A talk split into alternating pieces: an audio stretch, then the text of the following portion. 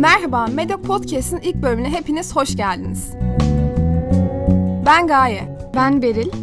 Burada Medya Okuryazarlığı Atölyesi bünyesinde gerçekleştireceğimiz podcastlerle medya okuryazarlığına değinirken aynı zamanda farklı konuklarımızla da tatlı sohbetler edeceğiz. İlk konuğumuz bize bu yolda ışık tutan doçent doktor Ayşe Aslı Sezgin olacak. Bugün Aslı hocamızla beraber medya okuryazarlığı eğitimi ve bu konudaki çalışmalarından bahsedeceğiz.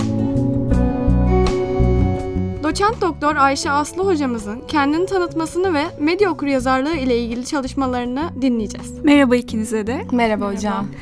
E, Medya Okuryazarlığı Atölyesi'nin e, podcast kayıtlarında ilk konuğunuz olduğum için öncelikle e, teşekkür ediyorum sizlere. Biz de çok teşekkür Güzel ederiz. bir çalışma olacağını düşünüyorum. geldiniz. Teşekkürler. E, kendimi tanıtayım sizlerin de sormuş olduğu gibi. E, İletişim Fakültesi'nde sizlerin de öğrencisi olduğunuz İletişim Bilimleri bölümünde öğretim üyesiyim. E, lisans, yüksek lisans ve doktora eğitimimi Gazi Üniversitesi İletişim Fakültesi'nde tamamladım. Sosyal medya, yeni medya, dijital okuryazarlık, medya okuryazarlığı konularında çalışmalar yapıyorum. Sizlerle birlikte de bu yıl e, özellikle bahar döneminde aktif olarak e, çalışmayı planladığımız Medya Okuryazarlığı Atölyesi'nde medya okuryazarlığına ilişkin özellikle farkındalık yaratmak adına bir takım projeler yapmayı planlıyorum. E, buyurun söz sizde tekrar. Medya okuryazarlığı eğitimi neden ciddiye almalıyız ve Türkiye'deki medya okuryazarlığı eğitimi sizce yeterli mi? Evet, e, derslerde de hep tartıştığımız gibi sizleri de e, bu konuda özellikle e, sizlerin de dikkatini çekmeye çalıştığım gibi medya okuryazarlığına özellikle e, 2020'nin e, Mart ayından itibaren e, hepimizin yaşadığı biliyorsunuz pandemi dönemiyle birlikte daha da önem kazandığını düşündüğüm bir konu olarak Evet. değerlendiriyorum. E, artık dijital okuryazarlık üzerine konuşmalar, e, tartışmalar e, gündemde yer alıyor ama e, bana göre medya okuryazarlığı medyanın e, bu denli hayatımıza nüfuz ettiği bir ortamda oldukça önemli. Neden önemli? E, çünkü farkındalık kazanmamız gerekiyor. E, medyadan bağımsız, e, medya içeriklerinden uzakta kaldığımız bir ortamda bulunmamız şu an için söz konusu değil. Biliyorsunuz eğitimimizi uzaktan eğitim süreciyle birlikte e, sürdürmeye çalıştık. Evet ve Bunun çok dışında zorlandık. evet kesinlikle bunun dışında gündelik yaşamımıza dair e, hemen hemen tüm alışkanlıklarımızı bizler e, dijital ortama taşımaya başladık. E, her e, çalışmamızı uzaktan gerçekleştirmeye çalıştık. Eğlenirken, iletişim kurarken, haberleri takip ederken, bilgi arayışında e, bulunduğumuz süreçte, eğitim süreci içerisinde Dolayısıyla e, medya okuryazarlığı bu konuda bizlere yol gösterebilecek bir takım e, ayrıntıları anlatıyor. Medya okuryazarlığı eğitimi e, sizler lisans öğreniminizi sürdürüyorsunuz ve medya okuryazarlığı dersini alıyorsunuz. Evet. Ama bana göre medya okuryazarlığı şu anda özellikle genç nesilleri de düşündüğünüzde, sizlerden sonra gelecek olan kuşakları düşündüğümüz zaman e, çok daha erken yaşta başlaması gereken e, bir eğitim süreci olarak değerlendirilmeli. Medya eğitimi olarak baktığımız zaman medya okuryazarlığının çok daha erken yaşlarda başlaması gerektiğini e, düşünüyorum. E, dolayısıyla lisans seviyesinde yani üniversite e, sıralarından çok daha e, öncesinde medyanın ne olduğu, medya içeriklerine nasıl erişmemiz gerektiği, hangi içeriklere erişmemiz gerektiği, bunları nasıl e, okuyup nasıl değerlendirmemiz, nasıl analiz etmemiz, nasıl yorumlamamız gerektiği konusunda e, bir takım bilgilere sahip olmamız gerekiyor. Medya okuryazarlığı bu yüzden bana göre e, oldukça önemli bir konu. Evet hocam teşekkür ederiz. Ee, bir de ben bir soru daha sormak istiyorum. Medya kullanımı hakkında neler düşünüyorsunuz? Hani bizlerin, çocukların, Evet, insanların. Ee, az önce söylediğim gibi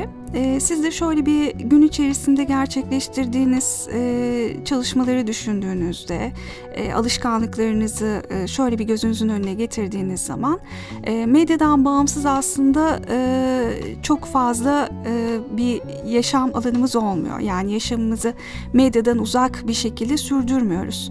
E, örneğin sabah e, uyandığınız anda ilk etapta özellikle sizlerin Evet. e, artık telefona bakıyoruz evet, hemen. telefon e, akıllı telefonlarınız vasıtasıyla buradan da sosyal medya içeriklerine e, yöneldiğiniz, bunları incelediğiniz, okuduğunuz e, bir e, ortamdayız artık.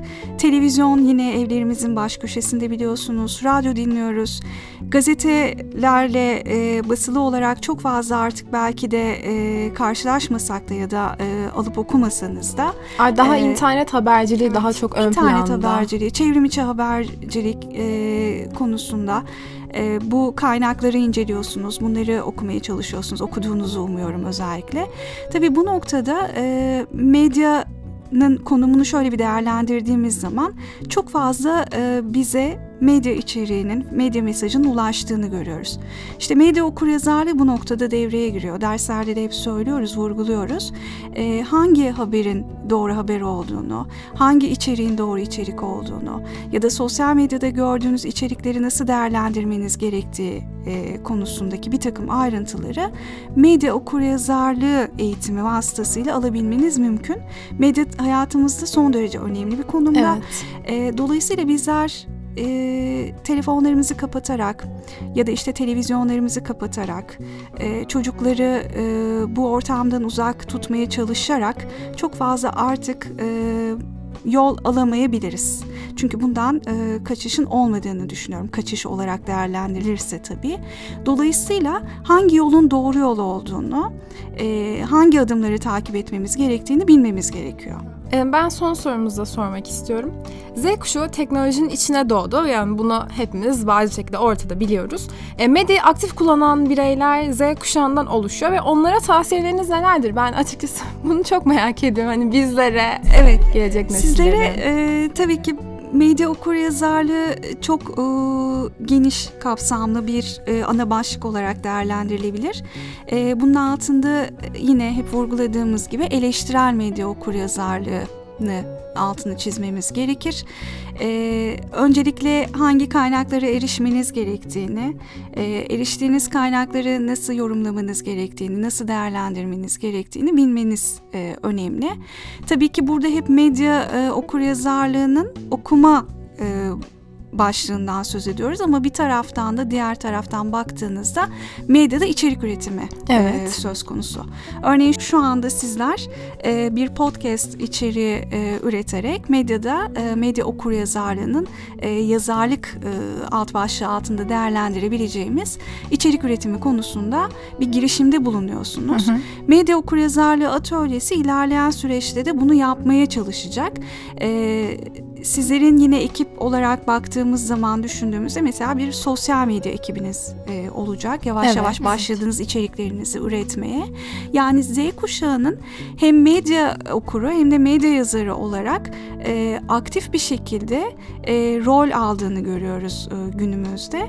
E, dolayısıyla bunu yaparken de e, bilinçli hareket edebilmek ve verdiğiniz mesajın karşı taraf üzerinde nasıl bir etki yaratabileceğini düşünmek. Hı hı. E, bunu da aldığınız yine iletişim e, eğitimiyle de e, çok daha sağlam bir zemin üzerine e, kuruyorsunuz zaten.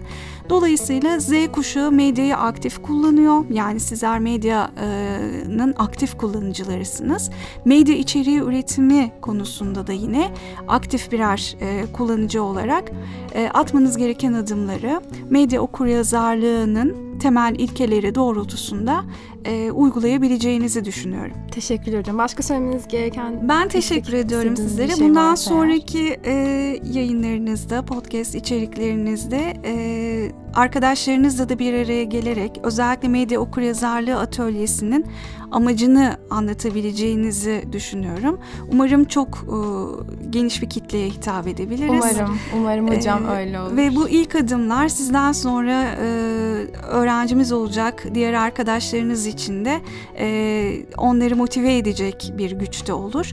Ben sizlere başarılar diliyorum. Aslı Hoca'ya teşekkür ediyoruz. Ee, bize dinlediğiniz için çok teşekkür ederiz. Bölümümüzün sonuna geldik. Kendinize iyi bakın. Görüşürüz.